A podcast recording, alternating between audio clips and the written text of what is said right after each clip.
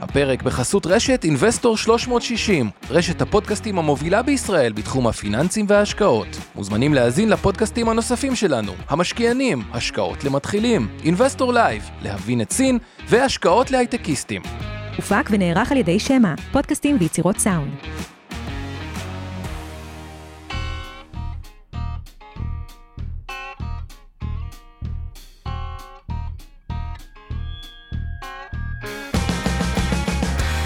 המשקיענים אבנר סטפאק ועומר רבינוביץ' בשיחה חופשית על התחומים החמים ביותר בעולם ההשקעות.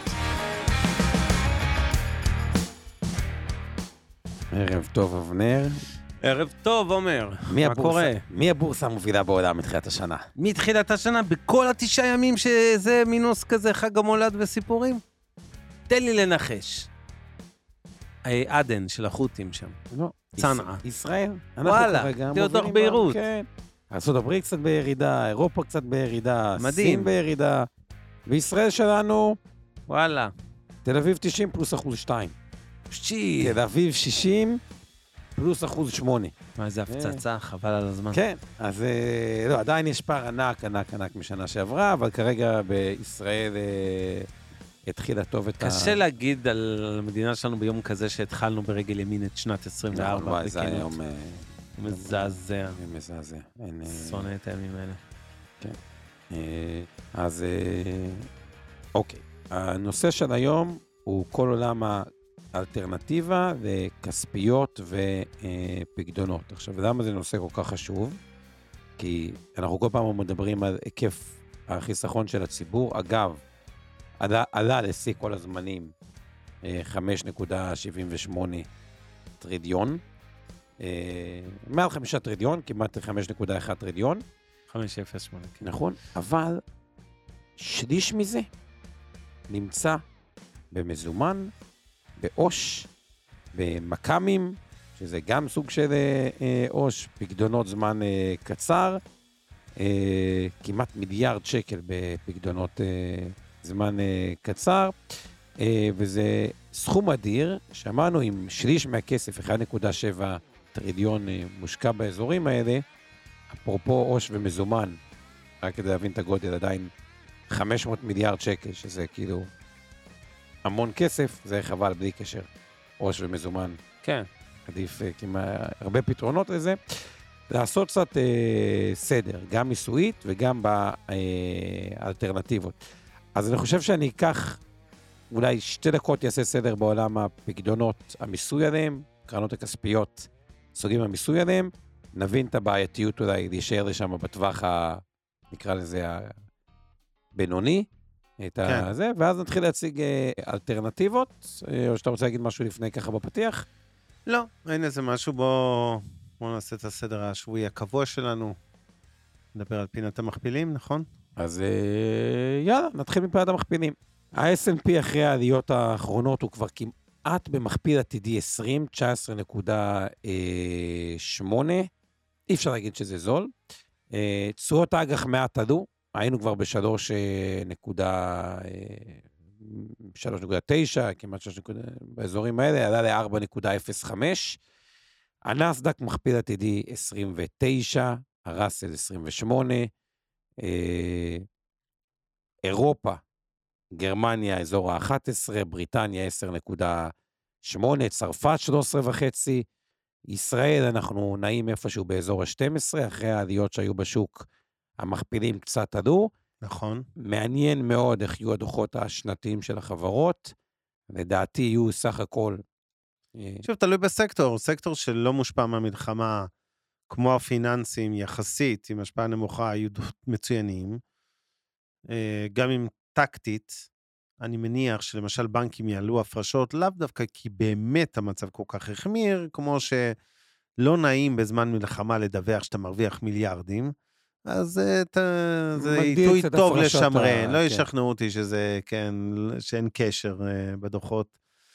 ומצד שני, יש סקטורים של קמעונאות למיניהם, לא מזון כמובן, כי זה לא מושפע בכלל, להפך. אבל אה, דיברנו הרבה קמעונאות, כל הביטוסים, בין אם זה פוקסים ואופנה וזה, כולם נפגעו כמובן. אז בסדר, זה רבעון אחד לא טוב. הרבעון הראשון לאותן חברות יהיה כנראה עדיין לא טוב, אבל יחסית יותר טוב. ואני מקווה שמרבעון 2 ואילך נחזור לשגרה כלכלית, אבל זה כמובן מותנה בזה שהאירוע לא יגלוש למלחמה בלבנון. נכון, עכשיו יש עוד רק... אגב, אם הוא יגלוש, זה ייתן לנו אולי עוד רבעון, להערכתי לא יותר, של משבר כלכלי. זאת אומרת, כן, זה תלוי בעצימות של... אני- זה תלוי גם בעצימות של המלחמה. כן, אבל אני, חי... אני חייב אבל להגיד משהו כי בהקשר הזה, כי אנשים לא תמיד יודעים לעשות את ההבדל. בטח בימים נוראים כמו היום, שמדווחים על כל כך הרבה הרוגים, ואם יהיה פה חיזבאללה, כולנו מבינים שהמחיר יהיה יקר משמעותית, כי זה, זה ארגון שונה לגמרי וגדול פי הרבה מהחמאס. יחד עם זאת, תזכרו, מצער ככל שזה יהיה, יש הבדל בין כלכלה, ועוד יותר מזה בין בורסה, לבין מה קורה בחזית הצבאית. ברור שיש קשר כלשהו, כן? אם המורל הלאומי יהיה ירוד מחלילה, ואנשים אה, פחות יהיו ב- במוד של קניות וצריכה פרטית, ברור שזה מחלחל לכלכלה, ומשם זה, זה מחלחל למניות בבורסה, כי מה לעשות, זה חלק מהעניין. אבל במהות, כמה שזה נשמע נורא, יש פער גדול. אני שוב מזכיר לכם את אותו גרף שמדי כמה חודשים אנחנו מביאים לפה, לא הבאנו אותו הערב, אבל שמראה מלחמות עבר ואירועים מהעבר, כולל מלחמת יום כיפור, שאולי היא הדבר הכי קרוב להשוות לתקופה הנוכחית. וגם אז הבורסה באמת ירדה קצת ותיקנה מהר. אין, אמ, זה לא, לפעמים אנשים עושים טעות פסיכולוגית כמשקיעים, שמשליכים מהמצב רוח האישי, הלאומי, הקשה של תקופת מלחמה, ואומרים, טוב, זה לא הזמן לישראל, צריך אה, להשקיע עכשיו בארצות הברית ובאירופה. עכשיו, מראש ישראל אמורה להיות המרכיב המשמעותי בתיק המניות שלכם, להפך, היא אמורה להיות המיעוט גם בימים מצוינים לישראל, על אחת כמה וכמה בימים כאלה. אבל תזכרו, וראינו את זה גם בהתנהגות של החודש וחצי האחרונים בבורסה בתל אביב, שחלקית סגרה פערים, יש עוד הרבה מה לסגור, אה, מול בורסות העולם.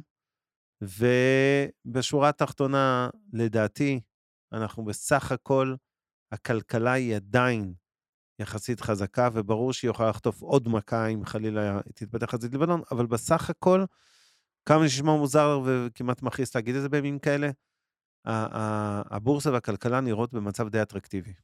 נכון, עכשיו אני אגיד לכם, מה, הרבה פעמים... אגב, הבורסה יותר מהכלכלה. אגב, כן. מדברים על זה הרבה, שלהישמע פסימי, זה הרבה פעמים נתפס כיותר חכם. כל מי שפסימיסט, הוא נתפס יותר כשמרן, חכם. שוק ההון הוכיח לאורך כל ההיסטוריה האנושית, שמי שמרוויח כסף זה האופטימיים, כלומר, האסטרטגיה להיות בשוק ולא להיות מחוץ אה, אה, לשוק בזמני חוסר אה, ודאות, על, באופן כללי, ועל אחת כמה וכמה אה, בזמני חוסר ודאות. כן יש את התשואת אג"ח במדינת ישראל, שעלתה קצת ל-4.13, ופה יש שתי כוחות מנוגדים, מצד אחד הורדת ריבית אמורה להפחית את תשואת האג"ח ועוד לייצר עוד גל עליות במניות, כמו שהתחיל בעקבות הורדת הריבית. מצד שני, ישראל צריכה להנפיק לא מעט אג"ח בשביל לממן את תוצאות המלחמה. נכון. המזל של ישראל הוא שפשוט חסכונות הציבור עולים בכזה קצב מסחרר, שיחסית למוסדים קל לס- לספוג את ה- את האג"ח הזה. אה, אז הם- אגב, לא רק מוסדים בישראל, בכל העולם קונים את האג"חים האלה, כן? אמנם בתשואות גבוהות יחסית, שלא הולמות את הדירוג הרשמי של נכון. מדינת ישראל, שבשטח בבורסות הוא כבר ירד מזמן. כבר... נכון. אגב, ישראל חוב תוצר. בין המדינות המפותחות עם החוב תוצר הנמוך בעולם. נכון. להגיד את זה. מאוד מאוד אטרקטיבי, מבנה כלכלה מאוד מאוד מפוזר וטוב על הרבה מאוד uh, תחומים. סין פשוט לא מצליחה להתרומם, גם בתחילת השנה הזאת היא כבר במינוס 4, חמש שנים אחרונות, 6.4, זה התשואה אה. המצטברת של סין. מה זה, אחוז לשנה כמעט? כן, שתבינו, לעומת הודו, 100 אחוז, נסדק, 152 אחוז, תל אביב 90, 85 אחוז. אז יש פה פער אה, גדול, ותמיד זו שאלה, האם מה שנראה זול הוא זול תמידי, או שיהיה פה איזה סיפור אחר, לא ניכנס לזה עכשיו. אה, אז אה, יפן מכפיל, האחרונה חביבה, יפן מכפיל רווח 13.8. כלומר, מה שרואים מבחינת המכפילים שחוזרים על זה, מכפילים ארה"ב לא זולים, תשואת אג"ח טיפה טיפסה, צריך לראות מה קורה עם, אה, עם התשואה להמשך, וישראל נראה אטרקטיבי אה, מהבחינה הזאתי. אירופה לדעתי יש בעיות מבניות יותר קשות מאשר אה, ישראל, אה, אבל גם היא בחלקה נראית אטרקטיבית. נחזור רגע לנושא של אותם 1.7 טריליון שקלים. אז בעצם, מה האלטרנטיבות הסולידיות שלהם? ובואו נתחיל מהאלטרנטיבות הכי פשוטות, שזה הפיקדונות. מה הבעיה עם פיקדון? אוקיי, או, או, יש פיקדון צמוד ופיקדון שקלי. פיקדון שקלי, 15% מס. שימו לב לכל אנשי המס יסף למיניהם, הייטקיסטים או אנשים ש... עם הכנסות אה, אה, גבוהות. המס האמיתי שלכם הוא לא 15, הוא 15. 15, הוא, תוסיפו לזה 3 אחוזים. 18, 15 ינקו, ועוד שלושה תצטרכו להוסיף בדוח השנתי. לעומת זאת, קרן כספית, וזה מסביר את הפופולריות בצדק, אגב, כספית שקלית, אוקיי? כן. היא 25% מס בניכוי אינפלציה. אפקטיבית, אגב, כל מי שעם מס יסף, זה 25% מס, בתוספת 3%. אבל, למה המס הוא, הוא, הוא למעשה היה מאוד מאוד נמוך? כי נגיד התשואה, לצורך העניין, ניקח 4, והאינפלציה היא 3 אחוזים, זה אומר שאת אותם 25 אחוז ינקו רק על אחוז אחד. מה שאומר, דה פקטו, תחשבו, 25 אחוזים, אבל רק על אחוז אחד מתוך אותם 4 אחוזי תשואה, זה מס של 6.5 אחוזים. כלומר, הקרן כספית, בהנחה שהריבית נותנת, היא ריבית של אחוז מעל האינפלציה, כלומר 4 לצורך העניין הריבית, לעומת 3 אינפלציה, כן. ישלם מס מאוד מאוד נמוך, ועל כן קרנות הכספיות זכו לפופולריות. אגב, מבחינת הגופים המנהלים, יותר מדי פופולריות, כי uh, מי שלא מכיר איך הקרנות עובדות, הבתי השקעות משלמים עמלת הפצה 0.1 לבנקים, לשנה. לשנה. ואז יצא שזה לא היה פופולרי, היו הרבה קרנות שאפילו קרבו פחות מ-0.1, לא היה אכפת להם, ו... גם אנחנו, כן. כן, גם מיטב, וכל מי שרק עם קרן פחות מ-0.1, שכבר אין את זה, מן הסתם, הפסיד כסף גולמי עוד לפני הוצאות שיווק, פרסום, ניהול. בדיוק. כל- רק הבתי השקעות הפסידו. כסף, ולכן מתישהו זה חייב להיות מעל 0.1, כי זה לא הגיוני להיות uh, מתחת לזה, ועדיין זה מכשיר שבסביבת אינפלציה של מעל 2 אחוז, עדיף על, בדרך כלל עדיף על פקדונות שקליים. מיסוי דולרי על פקדונות וגם על קרנות כספיות הוא הרבה פחות טוב והרבה יותר אכזרי, ולכן עדיף בגדול, ההטיה אמורה להיות לפקדונות שקליים. שימו לב, גם ככה יותר ויותר מהכסף שלנו מושקע באפיקים דולריים. כלומר, אתם אה, מסלול מחכה S&P הוא 100% דולרי. אז לפעמים נכון גם לגוון ברמת הפקדונות, שזה הכסף היותר זמין, שבדרך כלל גם נצטרך אותו לצריכה השוטפת שלנו או לבלת"מים. למה המיסוי על הקרנות הדולריות הוא הרבה פחות אטרקטיבי? כי א', בפיקדון דולרי זה 25 אחוזים, ולא 15 אחוזים, ולמי שיש מס יסף זה 28 אחוזים, וזה כבר לא מעט, מהשקל הראשון, וגם בקרן כספית זה 28 אחוזים על הרווח הדולרי. אין פה את הנושא של הגנת אינפלציה. אז בעוד הקרנות הכספיות השקליות הן חד משמעי, על פניו, בסביבת ריבית אה, 2% ומעלה, יותר טובות מהפקדונות השקליים, מה גם הם נזילים ברמה היומית, בנושא הדולרי, דווקא הפוך. איכשהו, הבנקים מציעים אה, ריבית גבוהה, לא איכשהו, יש איזו סיבה, לא ניכנס לזה עכשיו, אבל הבנקים מציעים דווקא ריבית אפילו יותר גבוהה מאשר האג"ח אה, על פקדונות דולרים. אה, אבל צריך לקחת בחשבון, זה 28 אחוז מס. אני עדיין לפעמים הרבה פעמים אומר ללקוחות, אני מעדיף את הנושא של כספיות דולריות, כי אם הדולר פתאום משתגע כלפי מעלה, כי לפעמים זה קורה בתקופות של משברים, או כמו שהמלחמה פתאום קפץ לארבע, אפשר לקבע רווח ולהמיר לשקלים, זה לא כמו פיקדון שהוא סגור רבעונית או חצי אה, שנתית, אבל לפחות פה יש יותר דיון. כי במוצר השקלי, על פניו, קרן כספית היא גם נזילה יומית, ולא סוגרים את זה לטווח רחוק, וגם המס הוא יותר אה, נמוך. אתה רוצה להגיד עוד משהו לגבי עולם הכספיות? לא, אין איזה דרמה גדולה, זה ברור שזה עדיף מהאפס אה, אה, ריבית על העו"ש שרבים אה, יושבים בו, אבל אה, שוב, אנחנו רוצים לדבר על אלטרנטיבות לדברים נכון. האלה. אגב, כמה רבים יושבים בעו"ש? נכון לנובמבר, 364 מיליארד. מיליארד. שזה מדהים, שקל. כאילו בא לך, אתה יודע, אני שונא התערבות, או לא שונא, אבל אני חושב שצריך להיזהר עם התערבות של רגולטורים בשווקים חופשיים וזה. מצד שני, אתה אומר, זה סוג של פשע. זה סוג של פשע פיננסי. ש-364 מיליארד שקלים של כן. אזרחי ישראל לא מקבלים כלום. תחש- תחשבו על זה רק ככה, זה פשוט 364 תחשוב כמה, מיליארד, בוא, בוא ניקח את כפול- השנה האחרונה, 4 אחוז. כפול, יותר ארבעה מ-4 אחוז, אחוז, חמישה אחוז, לא משנה, 475, יופי, נו. 475, אתה מדבר. על 17 מיליארד שקל. 17 מיליארד. פריירים. תתעוררו על עצמכם, תוציאו את הכסף מהדרקס מדרק הזה. יפה, עכשיו אני רוצה רק לא להחמיא בדבר בעו"ש. אחד לציבור, כן. שלא נרגיש רע. בינואר 22, שבעצם הריבית הייתה אפס, אז היה 587. כלומר, כן הצטמצם ב-40 אחוז הסכום הזה, שזה כשלעצמו יפה, ועדיין, 17 מיליארד זה מספר ענק, תחשבו על זה, 3 מיליון משפחות נגיד במדינת ישראל, 3 מיליון משפחות, אז מיליון זה אחד, אתה היית דווקא בכיוון נכון, זה זכר, שלושה אתה מיליון. עשית לי פרצוף פשוט, שלושה מיליון, אז 17 מיליארד לחלק לשלושה מיליון, אנחנו מדברים על אה, 5,000 שקל לדעתי למשפחה, או ש... כן, אתה צודק, כן, ש- ששת כן, אלפים כמעט, שזה כן. לא מעט כסף, אוקיי? אה, מהבחינה הזאת. יפה. מה הבעיה עם כל עולם הזה, העו"ש והכספיות? ותזכרו עוד פעם את המספר 1.7 טריליון. לא, זה, סליחה, זה הרבע, זה ההפסד, מה שחישבת עכשיו, כן, לשנה, כן? לא, הכסף שיושב שם הרבה יותר גדול, כמובן. פר משפחה. אז אותם 364 מיליארד, זה אומר 100 אלף שקל לבן- למשפחה ממוצעת, חלק לשלושה מיליון. פסיכי. אה, לא, הריבית היא 17 מיליארד. ההפס- אובדן ריבית, אני רק אומר, על ה-300, יש 364 מיליארד, יש 3 מיליון משפחות, אנחנו מדברים על 120 אלף שקלים ממוצע למשפחה שוכב בעו"ש. זה לא החציון אמנם, זה ממוצע, נכון. אבל זה הרבה יותר מדי כסף, זה הכל. כן, הלאה. נכון. ואז תעשו את ה-120 אלף שקל האלה כפול הריבית, באמת תקבלו את ה-6,000 שקל שאבנר אה, דיבר בשנה, אובדן כסף. עכשיו, מה הבעיה? כשהריבית תרד, כל האנשים שהתרגלו 4, 4.5, 4.75, לריב עם הבנק, פתאום יראו שהם עומדים בפני שוקת שבורה.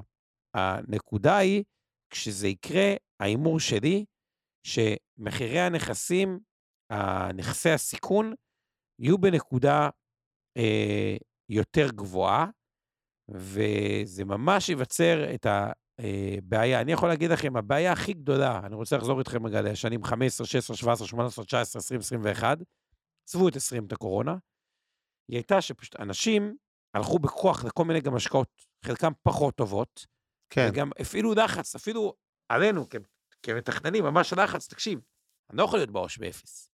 כאילו, כן. היה לחץ להשקיע, ואז אנשים עשו גם שטויות, כן. ויותר עושים שטויות, אוקיי? ודווקא שהיה בפקדונות הוא יותר סולידי. ואז פתאום הוא מרגיש, רגע, אני סולידי, איך הגעתי למקומות המסוכנים שלא רציתי להיות בהם, אבל הריבית הייתה אפס. זה מכניס למין לופ כזה. כדי לצאת מהלופ, מה שצריך לעשות זה עדיין ניתן לקבע תשואות טובות באג"חים, ובואו נדבר רגע... אז רגע, אז עוד רגע ניכנס לאלטרנטיבות. אני רק רוצה לענות צ'יק צ'אק לכמה הערות ושאלות של הקהל בצ'אט. קודם כל, למה לא מחייבים רגולטורית את הבנקים? מדי איזה חודשיים, שלושה עלתה פה יוזמה כזה, כזאת. אני לא יודע ממה מפחדים ולמה הדברים האלה לא מצליחים, אבל זה לא עובר, זאת עובדה, נתון. תשמע, זה גם הבנקים שוק חופשי, אתה מרוויחים לא פה תשואה, אה, אפשר לא, להתווכח על המילה הבנק- חופשי, הבנק זה שוק. אומר, תקשיב, חופשי, לא יודע. הלקוח יכול למשוך את העו"ש בכל רגע נתון. אבל בסדר, בוא נמשיך, זה לא הדיון. אוקיי, עכשיו, אז זה בלי קשר, אה, לא יודע, מתישהו זה יקרה כנראה. אני לא יודע להסביר איך עשרות שנים הישראלי הממוצע יודע לריב על המחיר של העגבניה שלו ועל הדלק ועל הזה ועל שטויות, לא שטויות, אבל כאילו, ולזה לא נוגעים, אבל אוקיי. יפה. לגבי אה, דברים נוספים, כן, טליה המהירה הערה חכמה על המיליארדים, אנחנו הרבה פעמים מדברים מיליארדים, זה נשמע סכומי עתק. אין לי פרספקטיבה. אתה יודע, אמר לי פעם מישהו חכם מאוד, אמרה לי אישה חכמה מאוד, שאני מאוד מאוד אוהב, והיא נעלם, כבר לא בא על הרדאר של, של הפוליטיקה הישראלית, קוראים לה שלי יחימוביץ', סוציאל דמוקרטית אמיתית. אמרה לי, תשמע, כשבן אדם מרוויח משכורת שהיא בשבע ספרות, מעל מיליון שקל, זה בכלל לא משנה שבעה מיליון, מיליון ורבע, שלושה מיליון, אה, זה בכלל לא חשוב. כשאתה מגיע למספרים האלה, אז אנשים מאבדים את הפרספקטיבה, וזה נראה להם איום ונורא, וזה נשמע להם מספר נוראי. גם אם בסוף, בסוף, בסוף, כשאתה מוריד מיסים והפרש, אתה מגיע לנטו לא כזה דרמטי יחסית, זה פשוט מעבר ליכולת של אנשים לתפוס. אז אומרת טליה על הדיונים שלנו מיליארדים, בצדק, את הפרספקטיבה הזאת גם כן של, אוקיי, בואו נעשה סדר, אני רוצה לסגור לכם את פינת העו"ש, תקשיבו טוב, כולם עכשיו. לא צריך לרשום כלום, רק להקשיב, אבל גם לבצע. אין שום סיבה בעולם שאתם תחזיקו שקל מיותר בעו"ש מעבר לכסף שאתם צריכים לחודש הקרוב. כלומר, אם אתם יודעים שנכנס משכורת בתאריך X, יורד uh, משכנתה או יורד uh, ויזות בתאריך Y, ובחלק הנמוך, נקרא לזה, בהנחה שאתם לא בכלל במינוס, כן? אבל בחלק הנמוך של החודש אתם צריכים סכום מסוים, זה הכל. זה כל מה שאתם משאירים שם. אצל אחד זה 5,000 שקל, אצל שני זה 13,000 שקל, אבל זה בסדרי גודל האלה. 20,000 שקל אם אתם מגזימים. גם אם אתם אומרים, רגע, אבל עוד שלושה חודשים, לא עוד שנתיים, עוד שלושה חודשים, יש לי נגיד 100,000 שקל בעו"ש, ועוד שלושה חודשים אני יודע שאני מחליף מכונית, עדיין תשימו באיזה קרן כספית או משהו שלפחות נותן ריבית, לא אומר עכשיו תשקיעו במניות כמובן, אבל תעשו משהו באיזשהו אפיק השקעה שנותן ריבית. כל יום שאתם משאירים כסף מיותר בעו"ש, אתם פשוט פושעים כנגד עצמכם. תמחקו את המילה עו"ש הזאת, תוציאו את הכסף משם, תעשו איתו משהו. אם זה כסף ככל שהוא לטווח ארוך יותר, תעשו השקעות באג"חים, במניות וכולי. אם זה כסף לטווח קצר, כי אתם יודעים שיש לכם איזו הוצאה בעוד כמה חודשים, סבבה, אז תמצאו כלים עם uh, אפיקי השקעה עם, uh, כן, uh, שמתאימים לדברים האלה, כמו כספיות, מכ"מים ואחרים, אגרות חוב קצרות מאוד, סבבה. רק אל תפקירו את ה-364 מיליארד שקל שלכם שלך... לא, לפעמים צריך לצעוק את זה קצת. יאללה. גם כספית, אני מזכיר, זה לא התחייבות, אתם יכולים למכור אותה כל יום מסחר בין ראשון לחמישי, כספית שקלית, ודולרית זה שני עד חמישי.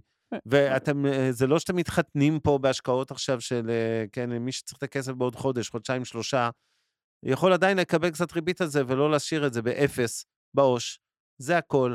עד כאן היה פינת ההצלפה על העו"ש, בוא, בוא נדע בוא נדבר על האלטרנטיבות הקרובות, לא על אה, ביטקוין ונדל"ן ומניות. אני אדבר פה על... כן. אני אציף אתכם עכשיו בהרבה מאוד ניירות, אוקיי? כן. שזה, אני כבר אומר, זה נטו למטרות לימוד, ובכוונה אני הולך על חברות יחסית גדולות ויציבות, כדי להבין פחות או יותר מה ניתן לקבל. אה, אתה רוצה אזהרת סיכון מלאה? יאללה, כל מה שאנחנו עושים הערב, כרגיל, הוא לא ייעוץ השקעות, לא תחליף לייעוץ השקעות המותאם לצרכי ונכסי כל אחד מכם ייעוץ השקעות מוסמך. אם אנחנו מזכירים פה מניות ספציפיות, צאו מנקודות הנחה שיש שם בתיקי השקעות, קרנות הנאמנות, קופות הגמל, הפנסיה, השתלמות, תעודות הסל אה, ותיקי השקעות של מיטב, אנחנו אה, משקיעים במניות האלה ולכן מזכירים אותם. כנ"ל לגבי תיקי השקעות וקרנות הנאמנות של אינבסטור 360, זו אינה המלצה לביצוע פעולת השקעה כלשהי, לא ייעוץ פנסיוני, לא שיווק פנסיוני ולא תחליף לכאלה. ו...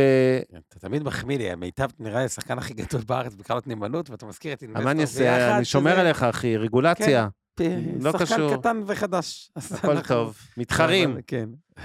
מתחרה. דוד וגוליית. כן, הלוואי. לא, גוליית ונמלה. יום אחד אולי נתהפך, למה אתה כבר... אי אפשר לדעת, נכון. אולי אני אנהל 270 מיליארד ואתה תנהל 2 טריליון. who knows. בוא נמשיך. ככה, אז נלך בכוונה, אני... אה, נתחיל רגע ממח"מ ארוך, כדי שתבין, האמת, במדינת ישראל מח"מ ארוך זה חמש, עזבו רגע את ה... זה. אז אני מסתכל אתכם שמות של דברים ש...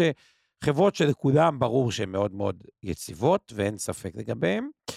נתחיל מאמות. אמות חברת נדל"ן, יציבה, גדולה, מח"מ לשש שנים, ניתן לקבל תשואה של 5.20 אה, וארבע, אחריה יש את מגדלי הים התיכון, 5.61, מגדל חמש וחצי, אני מדבר על כל לשש שנים בערך.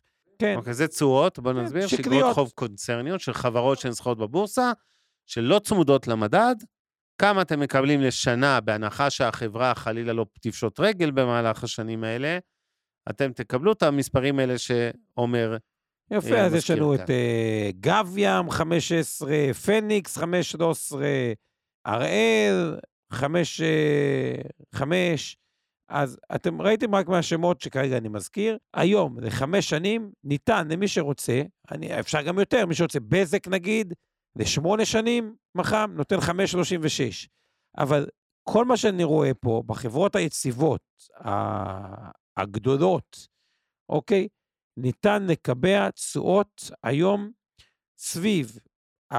אני מדבר איתכם על מח"מים של בין 4, כלומר משך חיים ממוצע של בין 4 לבין 6, חברות גדולות, כל האזורים של 4-7 עד 5, עד כמעט 6 אחוזים.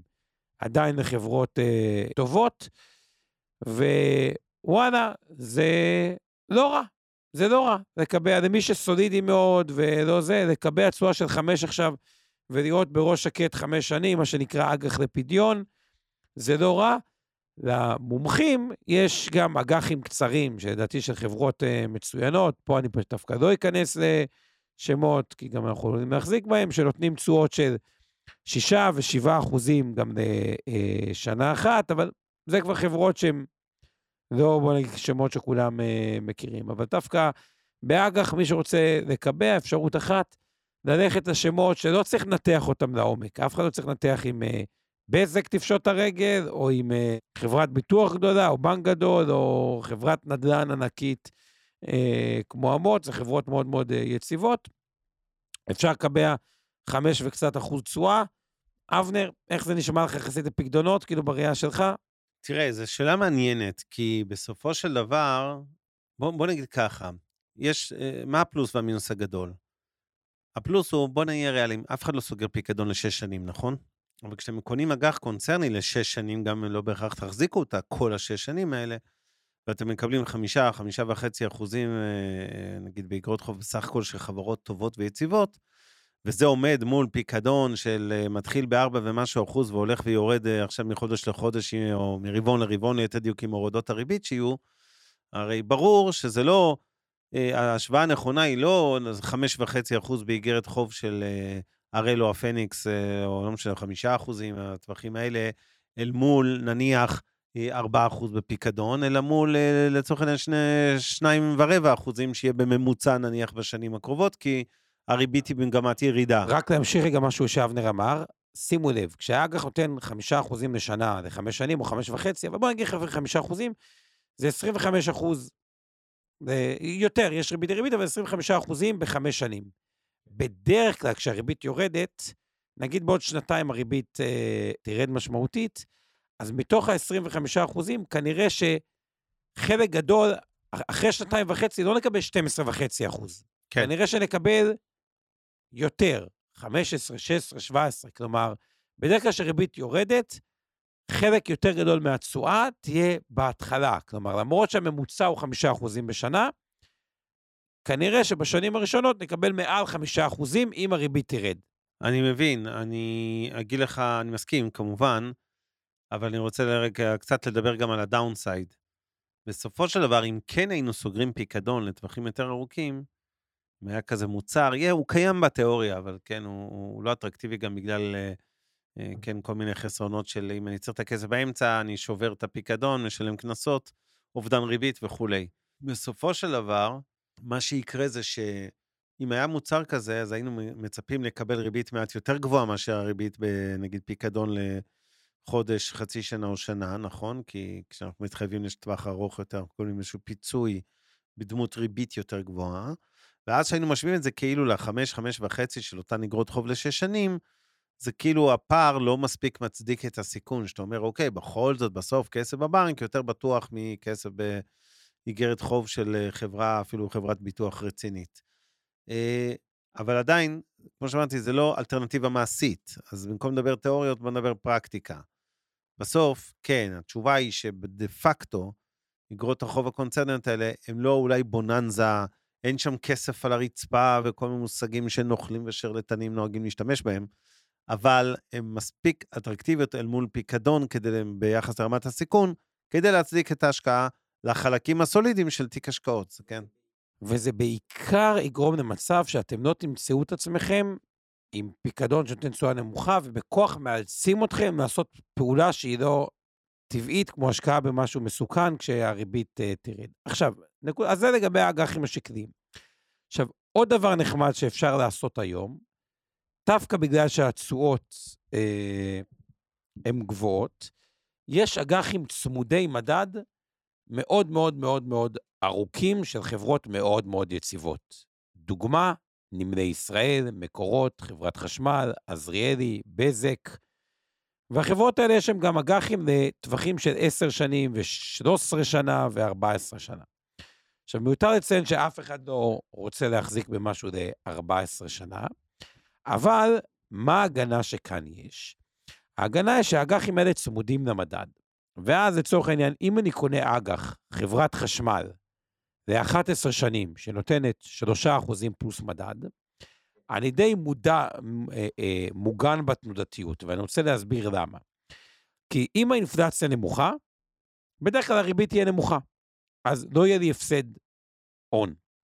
כלומר, קיבלתי את ה-3% פלוס מדד, בוא נגיד אם האינפלציה היא תהיה רק 2% בממוצע, אז קיבלתי 5% בשנה. אם האינפלציה היא גבוהה, זה הסכנה של אג"חים, כביכול שיעלו ריבית. אבל בגלל שזה אג"ח צמוד מדד, אז אני אקבל נכון. גם את האינפלציה תוספת. ואז אני אומר את החוק הבא. אם רוצים לקבע לטווחים מאוד ארוכים תשואות, ולהיות בראש שקט, כמו מין דירה להשקעה כזאתי, שזה כן. תחשבו, אתם שמים על אג"חים כאלה, במקום דירה, שלושה מיליון שנותנת משהו, או ש- שעולה, שמתם שלושה מיליון על אג"ח של שלושה אחוז פלוס מדד, זה מוצר שהוא די דומה. כן. ואז, מה שקורה, רק ההמלצה שלי, ככל שהולכים למח"מים יותר ארוכים, יותר ללכת לצמודי מדד, ככל שהאג"חים יותר קצרים או טווח בינוני, השקלי יכול להיות אה, אלטרנטיבה אה, מצוינת. מה גם המס הזה הוא 15 אה, אחוזים. כן. זה תחליף אחד לגבי הנושא של אג"חים, עכשיו אני רוצה לעבור רגע אה. לתחליף הבא. בדיוק מתקנים אותך פה בעברית, בשנייה שתיקנתי אותך אני בעצמי. אה, לא אגיד מי, כאילו זה, לא שזה, היא לא כתבה בילום שם, אבל זה עושה לה גירודים בגוף. אם לך זה עושה גירודים, טליה, אני עם פריחה כבר שלוש וחצי שנים. את זה. אבל זה בסדר, כן. אני מתנצל. אז זה אג"חים, לגבי אג"חים. אגב, רגע, הוא השתפר. באמת נכון. השתפרת. המגמה החיובית. המגמה החיובית. זה מה שחשוב, החשוב זה המגמה. בדיוק, ואנחנו, יבוא היום, עוד יבוא היום, אה. שנעשה שידור בלי שגיאות כתיב. אגב, גם לי יש פה ושם, אבל אנחנו נגיע לזה. כן. כן. אז אה, עכשיו, רק עוד דגש אחד אחרון.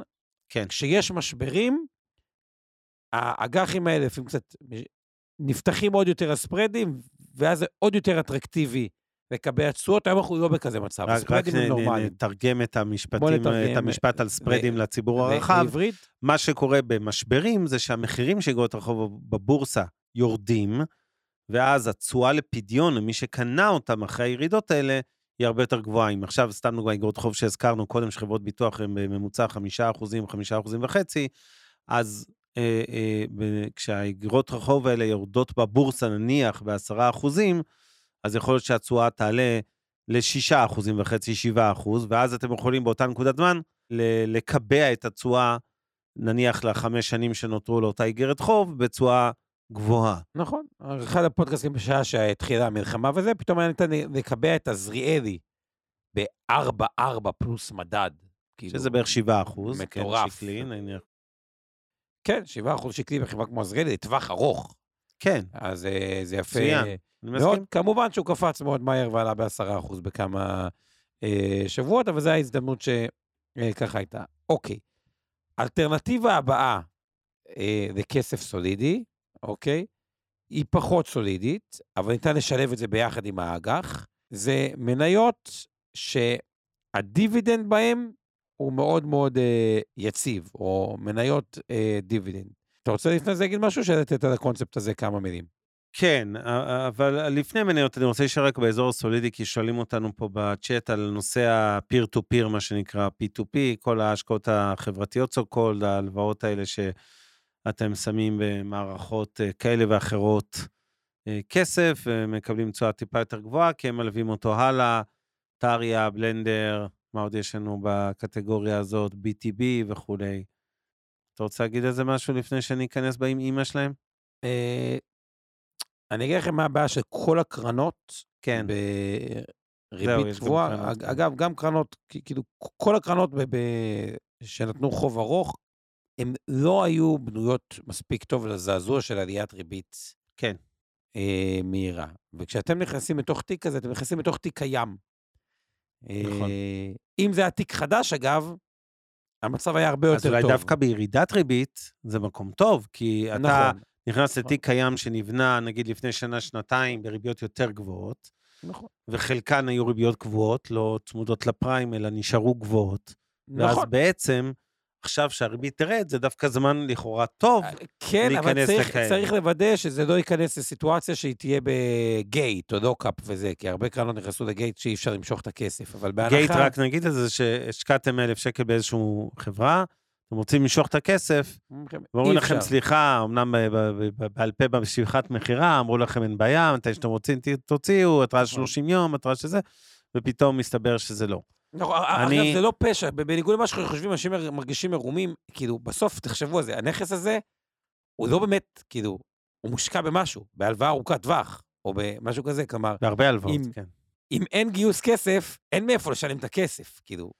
זה- כן, זה, זה חלק מהבעיה, אני לא... כן. אני, אני, אני יבינו את רוצה להיות. עדין, אה, לא כי אני מתחרה בזה, אני פחות מתחרה ב... או כמעט לא... יש לנו מעט מאוד נקודות השקה עם החברות האלה, ובחלקן אני מאוד אוהב את הבעלים ואת היזמים, למשל בלנדר, אבל, אה, אבל בסוף אין מספיק בשר באירוע הזה של ה-peer to peer ביחס לאלטרנטיבות בשווקים, כרגע לפחות, וגם אין, אה, אני חושב שסיכון הנזילות הזה, שראינו אותו מתממש בקורונה, וראינו אותו מתממש שוב עכשיו, שאנשים רוצים את הכסף, אבל אומרים לכם, מצטערים, תקבלו אותו ב-X תשלומים אה, לטווח יותר ארוך, ולא במזומן כמו שרציתם, ובקטע הזה אני בהחלט אה, פחות אוהב. אה, אבל שוב, יש מספיק דברים, בואו בוא נתחיל לעלות רגע. התחלנו לדבר על אגרות חוב, כאלטרנטיבה קונצרניות. יש כן. גם אגרות חוב צמודות מטח, מי שרוצה, נגיד אלביט מערכות, כולם מסכימים שהיא חברה יציבה, אה, נותנת מעל חמישה אחוז אה, דולרי. אה, תמר, מאגר יציב, נותן שבע ומשהו אחוז אה, דולרי. כן. אה, אגב, הזכירו פה באמת אג"חים גם של בנקים, דולרים בריביות עוד יותר גבוהות, זאת אומרת, אה, של בנקים ישראלים בחו"ל, או בנקים ישראלים האג"חים, הדולרים שלהם, או בנקים זרים. אה, כן, יש, יש הרבה אלטרנטיבות מעניינות היום אה, עם... אה, אז אג"חים, לא, אני מדבר פה אג"חים שקוראים אותם בשקלים, רק צמוד לדולר. אגב, גם בתוך הכספיות הדולריות אפשר לקנות כספית דולר לדולר, זה נקרא כספית נקובה דולרית, ויש כספית דולרית, שזה אתם מעבירים שקלים, אבל חשופים לשינוי ל- בדולר. לשינוי בדולר. אה, בואו נעבור עם הדבר האחרון, שהוא אה, מניות, אבל באזור היותר הסולידי של המניות, עד כמה שניתן להגיד, כי אני לא חושב שיש כזה דבר באמת מניה סולידית, אבל כן, אה, אה, פחות מסוכנת, נקרא לזה, כן. מניה בדיוק. סולידית זה בהחלט, אה. זו בהחלט הגזמה. בדיוק. אבל, אבל בכל זאת יש חברות, ש... לא מעט חברות שאין להן כמעט חוב בכלל, אוקיי? כלומר, אין פה חברה עם אפס חוב, אה, או חוב מאוד נמוך, הסבירות שהיא תפשוט רגל הוא נמוך. כן, מצד שני, התשואה דיבידנד, וכשאני אומר תשואה דיבידנד זה יכול להיות השוטפת, הפוטנציאלית, כי יש כל מיני חברות, אירועים חריגים שבגללם הפסיקו לחלק, ואז חוזרים לחלק, אז צריך, צריך קצת עבודה יותר קשה, להבין מה תשואת הדיבידנד המייצגת, כלומר, אה, או התזרימית של החברות האלה. עכשיו, ולמה אני אומר את זה? לדעתי הטעות הכי קשה שמשקיעים עשו בהשקעות בישראל, היא חיפשו עוד טיפה תשואה, אז הלכו לכל מיני אג"חים הזויים. לדוגמה, אג"חים של חברות נדל"ן אמריקאיות כאלה, שהיה איזו תקופה שקנו נכון. אג"ח חוב שני על קניונים סוג ג' בארצות הברית. תכף אני אגיד לך את השם שלהם. באזור סוג זין בארצות הברית, לא כן. סתם, כן. לא, קניונים גרועים בארצות הברית, הלוואות mezzanine. הנפיקו את זה. ואנשים כן. אמרו, וואלה, אג"ח נותן 9 אחוז, מה, זה כמו נכון. מניות. עכשיו, באותו זמן יש חברות שמחלקות דיבידנד, שבדרך כלל גם דיבידנד עולה 5, 6, 7 אחוז דיבידנד, אין בהם חוב.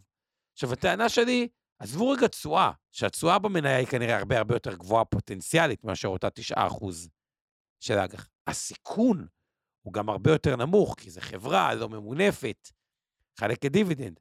אותו אג"ח בסוף נמחק, החזיר 16 אגורות. כלומר, אני חושב שדווקא באג"חים בסיכון גבוה בארץ, התמחור הוא לפעמים, במעט תקופות משבר, שאז הן נבעטות מהמדדים המובילים או כל מיני דברים כאלה, ובאמת אפשר אולי לאסוף אותם במחיר אטרקטיבי. לא בטוח, כלומר, במקום ללכת לאג"חים מאוד מאוד מסוכנים, בתקופות מסוימות, פשוט עדיף חברות שמחלקות דיבידנד ועם מינוף נמוך. מילה לגבי זה, אבנר? באופן כללי, אה, מוכח בכל כך הרבה מחקרים שנותנים דיבידנד עדיפות. מבחינת התשואה הכוללת שמשקללת את עליית המ- המניה בבורסה, עליית הערך, עם השכר דירה, נקרא לזה, שאתם מקבלים על הדירה הזאת, קרי הדיבידנדים שאתם מקבלים, אה, אז הטוטל שזה יותר גבוה מחברות שלא מחלקות. יותר ויותר חברות בכל העולם, גם בישראל, בארה"ב זה סטנדרט. אה, מכריזות מדיניות דיבידנד, ממש נוקבות בסכומים, באחוזים מהרווח, בסכומים אבסולוטיים שכמה הם יחלקו כל שנה. ולכן בעיניי זה בהחלט אה, פתרון, אה, זה מניות שאני מאוד אוהב, במיוחד בתקופות, לא של היום דווקא ספציפית, אלא בתקופות יותר גרועות, אלה מניות טיפה שנוטות להיות עם סטיית תקן יותר נמוכה, כלומר פחות תנודתיות, בטח ממניות צמיחה מהסוג של אה, זה, אה, הייטק.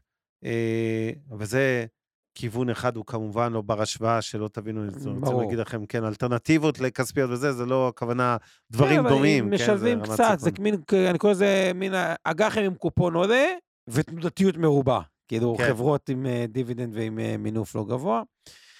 אה, אוקיי, יש עוד משהו חברתי שאנחנו עוד מעט רוצים, אבל לפני שנגיע לזה, אני אומר, בואו ניתן ככה כל אחד את הסיכום ככה על השווקים, איך אתה רואה אותם אה, קדימה, או כל דבר אחר אבנר שאתה רוצה להגיד, ועם זה נעבור אין איזה משהו, את הדברים העיקריים של עשינו תחזיות 24, דיברנו על זה, אופטימיות יחסית אה, על ישראל. אה, חנה אה, מזכירה לי פה שאבא שלי, צבי, טען שבמקום לקנות אגרות חוב, עדיף לקנות מניות וחצי מהסכום המתוכנן להיות מושקע באג"ח. אני לא בטוח שהבנתי אותה, חנה. בכל מקרה, אנחנו רואים טיפה שונה, נגיד, על השוק בישראל, אני יותר אופטימי ממנו לגבי סגירת הפערים. אה, הוא כן רואה את המצב הזה יותר, קצת פחות, אה, כאילו, בצורה יותר פסימית על הבורסה גם. אה, בכל אופן, אה, כמה הערות קצת אה, אחרונות פה, לפני שנענה גם את אלינור ונארוז את המשדר, כי יש לנו סיפור יפה. אני אגיד שמבחינת אגרות חוב, טליה אומרת לנו, לעומת מניות שהזכרתם, יש עדיין קורלציה שלילית בין מניות לבנק. אה, היא שואלת, האם יש קורלציה שלילית בין מניות לאגרות חוב, או שזה כבר לא קיים בשנים האחרונות? אז, אז זה פחות קיים, כי הסיבה בעצם היה מתאם שלילי, אבל כיום הסיבה לעליית הבורסה הרבה פעמים זה ירידה בתשואת האג"ח. כן, כלומר, האג"ח עולה במחיר, התשואה קדימה שלו יורדת, נכון. ואז אומרים, בואנה, האג"ח פחות אטרקטיבי, אנחנו נדחפים למניות. שזה המצב היום.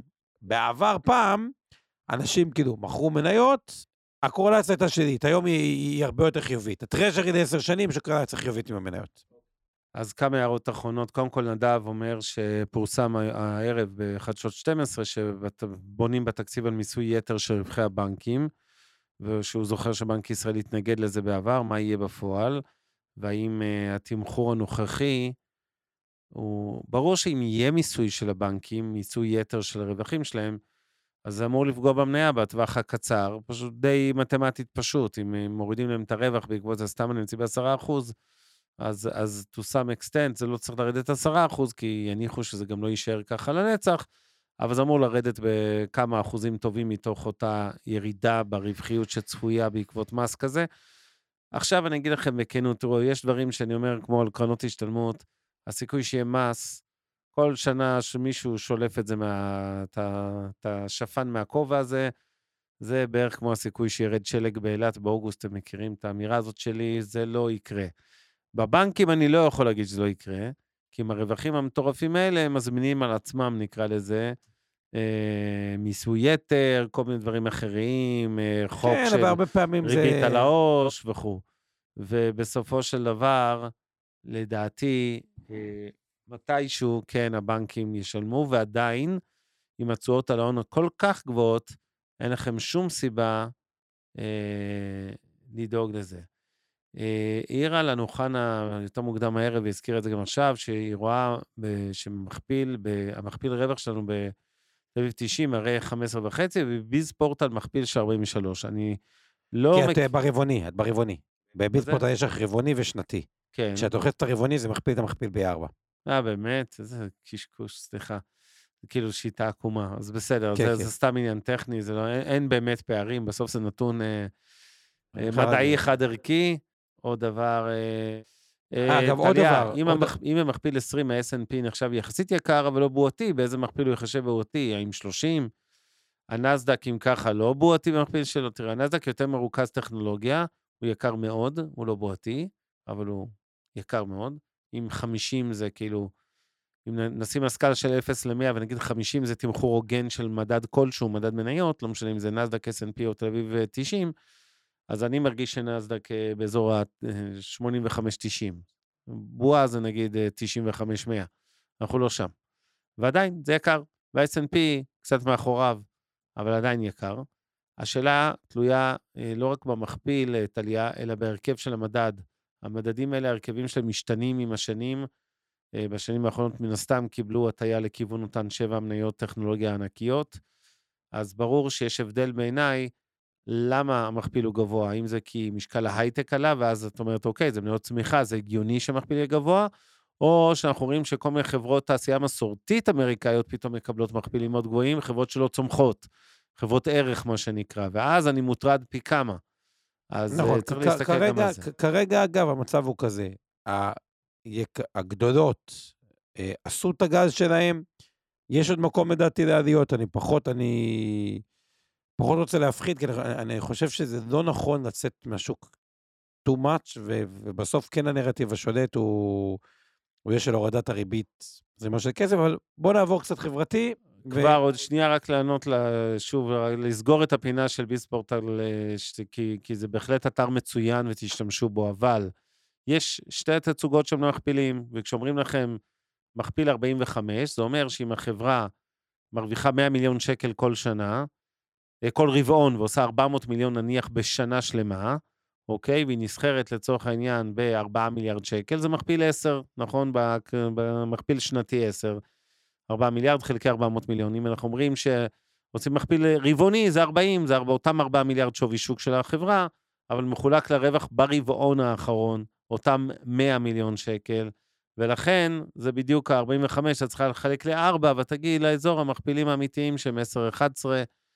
עד כאן פינת אה, ביז פורטל בפודקאסט שלנו, ועכשיו אנחנו רוצים לארח אישה יקרה, את אלינור בן יעקב, שיש לי הכבוד לעבוד איתך כבר אה, לפחות מה-7 באוקטובר.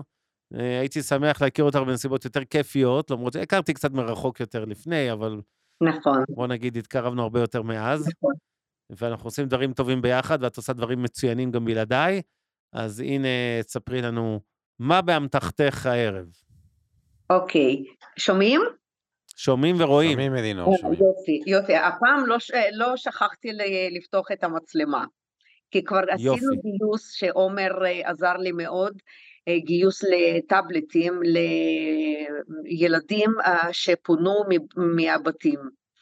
ובמסגרת החלוקה של הטאבלטים ובמסגרת ההתנדבות שעשיתי עם המפונים, התבקשתי יום אחד אה, לעזור בחגיגת יום הולדת לאחת הילדות. אה, אפיתי עוגה, קניתי מתנה והגעתי לחגוג לה יום הולדת. וזהו, חשבתי שבזה זה יסתיים. ואז אני מקבלת מכתב מאבא שלה, שבו הוא כותב לי שזה לא מובן מאליו שמישהי, בן אדם זר, באה וחוגגת יום הולדת לבת שלו, וזה משחרר אותו מדאגות למשפחה שלו כשהוא לוחם בעזה. זה מאוד ריגש אותי, אבל אה, לא, לא היה לי פנאי להתעסק בזה, כי כמו שאבנר אמר, אני עושה איתו... עשית 900 דברים טובים אחרים באותו זמן, כן. כן. ועכשיו אה, אני רוצה לגייס כסף כדי לקנות גיפט קארטס ולחלק אותם למשפחות, שהמשפחות שבעצם היקר של, אה, היקרים שלהם מגינים עלינו, לוחמים את המלחמה הארורה הזאת, ואנחנו חייבים להודות להם על כל מה שהם עוברים. וחשבתי שזה מן הראוי לשלוח להם gift card, שיוכלו או לבלות עם הילדים, או לקנות להם מתנה, או לקנות להם בגד, או ללכת למסעדה, פשוט להודות להם. אז אה, אני כעת, כנציגת בני ברית, מבקשת להעביר תרומות לחשבון של בני ברית, ואנחנו יחד נוכל אה, לקנות את התווים ולחלק ללוחמים ולמשפחות שלהם. ואבנר אמר לי שהוא ישיג לי את כל הטלפונים כדי שנוכל לחלק את זה בצורה יעילה ביותר. אז אה, אני... הרעיון הוא כזה עוד פעם, מי שלוחמי קרבי שנמצאים בעזה או בגבול לבנון. כן. בעזה או בגבול לבנון, אבל אפילו שלוחמים בשטח, אה, מרגש אותם. פשוט... אה, כן, לשלוח לבן בת הזוג, לרוב זה סטטיסטית בת הזוג, ולילדים, פשוט איזשהו gift card נכון. בשווי של כמה מאות שקלים למשפחה, תלוי גם בסכום הכולל שייאסף. צריך להגיד שגם תורמים מחו"ל של בני ברית, כמובן, אה, עוזרים במטרה הזו. שמנו את פרטי החשבון מופיע, כן, גם יו"ש מתקן אותנו ישי כהן בצדק, לא חסר היום גדודים בג'נין ובכל החטיבות בשטחים ו- ויהודה ושומרון, והם גם, מן הסתם, עושים עבודה קשה מאוד, עם הרבה מאוד אירועים, אירועי פח"ע וכולי. אז יש לכם פה את המספר חשבון לתרומות של ארגון בני ברית בבנק לאומי, סניף 10, אה, סליחה, בנק לאומי זה בנק מספר 10, סניף 806, ומספר החשבון 312-00-693, אני חוזר, בנק לאומי על שם בני ברית, חשבון, אה, סניף 806, חשבון מספר 312-00-693. וכל התורמים... תודה, אסתר. שהתרומה היא לגיפט, לגיפט קארט. גיפט, כן. שלא יתערבב לנו, את אומרת, אם זה טוב. תודה לכולם. יש 46, ארגון בני ברית, שואלים אותנו, זה אחד הארגונים הוותיקים, הוותיקים, זה ארגון של קרוב למאה שנה לדעתי, לא? כמה בני ברית קיים, את יודעת, אלינור? אה, לא יודעת, אבל זה ארגון יהודי כלל עולמי, שתרם לנו המון המון כסף בעקבות ההתנדבות שאתה ואני עושים יחד, והסרטונים שאתה צילמת, ובעקבות הסוואטשרטים שאני עשיתי לבית ספר שהוקם בלילנבלום 7 לילדי המפונים, ובהמשך ל-62 טאבלטים שאספתי ותרמתי לילדים. אז uh, זה משפיע והם תורמים. Uh, כן, הארגון אגב אה, קיים 180 שנה, מ-1843, זה מדהים, אני לא ידעתי את זה. הוא קם בגרמניה, ארגון יהודי, ארגון צדקה יהודי בינלאומי. אני אגיד סתם שתדעו מה עושים פה בישראל בני ברית בין היתר, אוקיי? אוכל ותרופות, מזון ותרופות לקשישים שנשארו מאחור בשדרות ועכשיו גם יהיה בצפון, ש... או סירבו להתפנות או לא יכלו להתפנות וכולי. אה, הרבה מאוד פעילות, גם לחיילים, גם לעוד מטרות, אז אה, אני אה, בהחלט בעד. ושוב אני אחזור על פרטי חשבון הבנק, הם גם מופיעים על המסך למי שצופה בנו, אבל לרבים יותר שמאזינים לפודקאסט הזה, ארגון בני ברית, יש אישור 46 קבלה על תרומה, בנק לאומי, סניף 806, חשבון 312, 00 ואפשר לכתוב בהערות gift card, זה יפנה את הכספים למטרה הזאת, אנחנו עובדים צמוד, תאמינו לי, יגיע לשם, ואני גם אה, מוסיף מעצמי על כל התרומות האלה, אז אה, ניפגש בדברים הטובים, וכרגיל, תעשו טוב, זה חוזר עם ריבית והצמדה, ואפילו שהמדדים קצת נמוכים עכשיו, זה עדיין המון. אז תודה נכון. ענקית לך, אלינור בן יעקב, המהממת מתל אביב, שעושה את כל הדברים האלה בהתנדבות בעצמך, ועוזרת להכפיל את הכוח, נקרא לזה, של כל, הכבוד, כל העשייה הזאת. למה לא אם תתקשר אליי לגבי תרומות או לגבי אה, השקעות. אלינור כל פעם שמתקשרת אליי. אה, אתה יודע, אתה צריך להיות במתח. אתה אומר, אתה תמיד עם יד בכיס, מוכן לשלוף את הכרטיס אשראי ולתרום, זה יותר חשוב. אז תודה, זה באמת uh, כיף. תודה לכל התורמים. שיהיה לילה טוב, ושנקבל בשורות טובות ופחות ימים כמו היום, לצערנו. כן, צריך קצת שקט בגזרה, ולילה טוב לכולם, וניפגש כרגיל בשבוע הבא. הפרק בחסות רשת Investor 360, רשת הפודקאסטים המובילה בישראל בתחום הפיננסים וההשקעות. מוזמנים להאזין לפודקאסטים הנוספים שלנו, המשקיענים, השקעות למתחילים, Investor Live, להבין את סין, והשקעות להייטקיסטים. הופק ונערך על ידי שמע, פודקאסטים ויצירות סאונד.